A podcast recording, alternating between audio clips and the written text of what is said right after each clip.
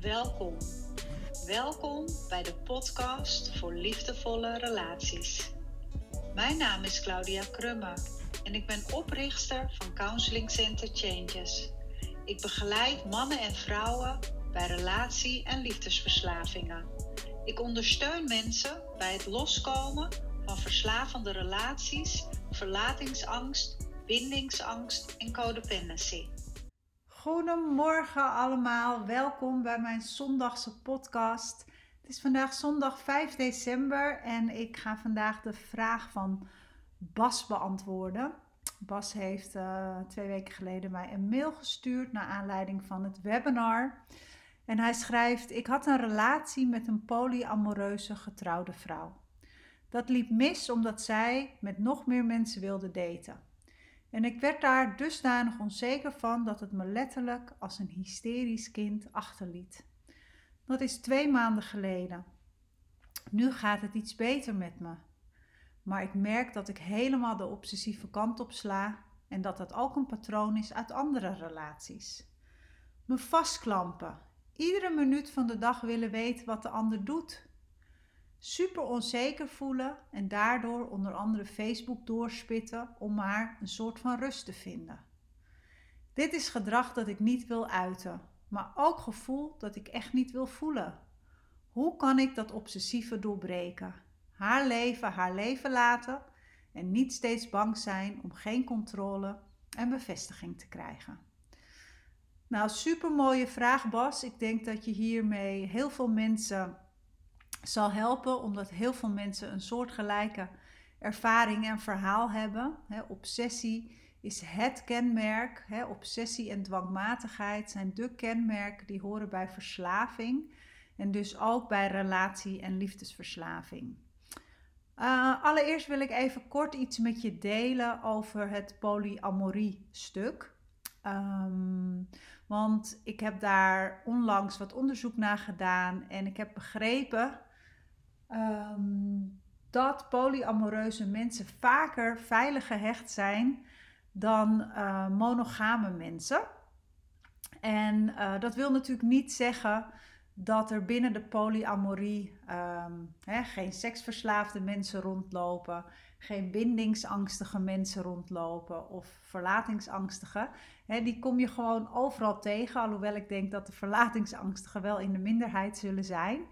En in de monogame wereld is het hetzelfde. Hè, dus we kunnen zeker niet alles over één kam scheren. Maar het onderzoek heeft uitgewezen dat er uh, ja, meer veilig gehechte mensen in de polyamoreuze wereld zijn. dus dat even als zijstapje. Ik kom het namelijk vaak tegen op um, fora waarin er wordt uh, gedeeld over uh, de liefdesbange dans, maar ook over relatieverslaving en codependency. En mensen hebben de neiging om heel vaak te zeggen dat iedereen die in een polyamoreuze relatie zit, dat die per definitie bindingsangstig is of relatieverslaafd of um, seksverslaafd. En dat is daadwerkelijk een misvatting. Dus vandaar dat ik dat uh, naar aanleiding van jouw vraag wel even wat wilde nuanceren. Dus dat is dat. Um, daarnaast beschrijf jij, hè, ik, ik, ik voelde me dusdanig onzeker uh, dat het me letterlijk als een hysterisch kind achterliet. En um, dat hysterische kind, hè, dat is ook wel wat wij noemen het innerlijk kind. Hè? Het bange jongetje in jouw geval, of het bange meisje in iemand anders geval, op het moment dat het verlaten wordt, of op het moment dat het zich niet gezien of gehoord voelt, of onzeker voelt. Of wanneer er een relatie verbreekt, dan komt dat meisje of dat jongetje tevoorschijn. En dat is Um, niet alleen vanwege de relatiebreuk, maar dat is een vermenging van oude pijn, hè, van gevoelens, onderdrukte gevoelens die je ergens in de kindertijd hebt opgedaan, in combinatie met uh, de gevoelens van afwijzing, de gevoelens van rouw. Hè, dat zijn gevoelens die horen hè, bij uh, een relatiebreuk. Dus het is altijd een combinatie van gevoelens uit het hier en nu met gevoelens uh, eerder uit je leven. En Meestal uit de kindertijd. Excuus. Ehm, dus dat zijn de onderliggende innerlijke kindgevoelens die je met je meedraagt en die dus tot uiting willen komen. Alleen wat doet jouw brein? Jouw brein gaat op zoek naar een manier om met die gevoelens om te kunnen gaan. En dat uitzicht dan in obsessieve gedachten. Het kan zich ook uiten in dwangmatige handelingen, zoals het vastklampen. Iedere minuut van de dag willen weten wat de ander doet. En zowel de obsessieve gedachten als de dwangmatige handelingen zijn beide wat we noemen overlevingsstrategieën.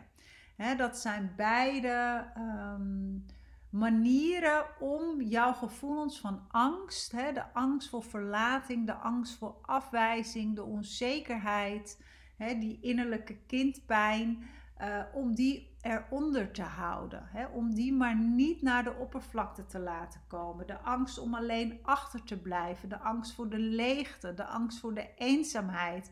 Hè, al dat soort gevoelens liggen opgeslagen in jouw onderbewustzijn. Hè. Ik noem het ook wel een reservoir of een snelkookpan. Hè, die zich in jouw lichaam bevindt, waarin al die gevoelens op elkaar gestapeld raken naar gelang uh, je het leven leeft. En op het moment dat je dus in contact komt met een relatiebreuk, hè, de trigger van buitenaf als het ware, dan komen al die gevoelens naar de oppervlakte en zoekt jouw brein um, of jouw psychisch immuunsysteem als het ware, die zoekt een manier om die gevoelens maar niet te hoeven voelen dus dat is een hele natuurlijke reactie. Net als dat wij een, een, een fysiek immuunsysteem hebben wat ons beschermt tegen ziekte van buitenaf en van binnenuit, hebben we ook dat psychische immuunsysteem wat ons probeert te beschermen tegen onderdrukte gevoelens van binnenuit en ook gevoelens en gebeurtenissen van buitenaf.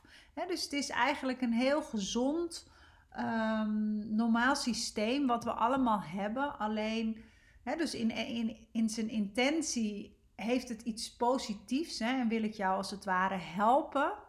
Maar uiteindelijk heeft het ook iets destructiefs. Hè? Dus iedere overlevingsstrategie heeft een positieve intentie, maar ook een negatieve consequentie. Dus de negatieve consequentie is natuurlijk dat jij je helemaal niet prettig voelt en fijn voelt door iedere minuut van de dag te willen weten wat de ander doet.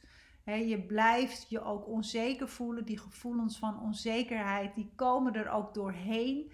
dus die strategieën die werken ook niet voor de 100%. Ook al denkt het brein dat het dat wel doet, maar dat gebeurt eigenlijk niet. maar de eerste stap voor jou is belangrijk om je te realiseren dat die obsessie dus een functie heeft. En dat het de functie heeft om jou te beschermen tegen die onderliggende angsten en die onderliggende pijnen van dat innerlijk kind die je met je meedraagt. En ehm, dat is de eerste stap. En op het moment dat je die erkenning kunt maken, kun je ook overgaan naar de volgende stap. En de volgende stap is dat je contact gaat maken uh, met die onderliggende gevoelens. Hè, nou is obsessie wel een van de moeilijkere strategieën om te ontmantelen, maar zeker niet onmogelijk. je kunt jezelf bijvoorbeeld de vraag stellen, hè, want eerst is het belangrijk om te kijken van hè, waar uh, bestaan die obsessieve gedachten uit? Um, en meestal zijn het gedachten als uh, een terugblik op het verleden, hè, de obsessieve gedachten over hoe fijn je het samen had. Maar ook um, meer richting de toekomst. Hè, van zouden we ooit nog samen kunnen komen? Hoe zou het zijn als? Hè, dus dat wordt ook gevoed door valse hoop. Dus die, die, die obsessieve gedachten en gevoelens, die kun je als het ware inventariseren en jezelf dan de vraag stellen. Stel jezelf voor dat Ehm, je nooit meer met die persoon in contact zal zijn. dus eigenlijk ga je datgene waar de gedachte zich uit bestaat, ga je uitdagen uh, en als het ware omkeren, zodat je in contact komt met die onderliggende gevoelens. Hè? Dus dat de obsessieve gedachte als het ware zijn functie verliest. Dus op het moment dat de gedachte is van oh wat was het fijn, oh wat hadden we het leuk samen en je gaat maar fantaseren en, en terugblikken op hoe het was. Dat je jezelf dus de vraag stelt van stel je nu eens voor dat het echt voorbij is. Dat al die, al die uh, herinneringen, die stop je in een doosje, die zijn er niet meer het is geweest, maar je gaat echt terug naar het hier en nu. Dus je bent niet bezig met de toekomst, niet met het verleden, maar echt in de realiteit. Welke gedachten en welke gevoelens komen er op mij af op het moment dat ik echt in de realiteit aanwezig ben? En op dat moment word je dus overspoeld um, door die innerlijke kindpijn. Dus je noemt het zelf het hysterische kind. Um, het is niet een hele liefdevolle uh, benadering. Uh, ik zou hem proberen iets zachter te maken en wat liefdevoller. Hè, want dat jongetje, dat is niet voor niets hysterisch. Hè. Die heeft heel veel pijn, uh, die heeft heel veel verdriet. Hè. Er is ergens in zijn leven iets gebeurd dat hij eerder is achtergelaten. En dat kan emotioneel achtergelaten zijn, dat kan fysiek achtergelaten zijn. Dat, dat kan op verschillende manieren gebeurd zijn. Uh, maar er zit in ieder geval een pijnlichaam wat naar de oppervlakte komt op het moment dat de obsessie zijn kracht verliest. je zou ook kunnen zeggen dat obsessie um, het contact verbreekt met jouw gevoelens. dus obsessieve gedachten die zorgen er eigenlijk voor dat jij je lichaam verlaat.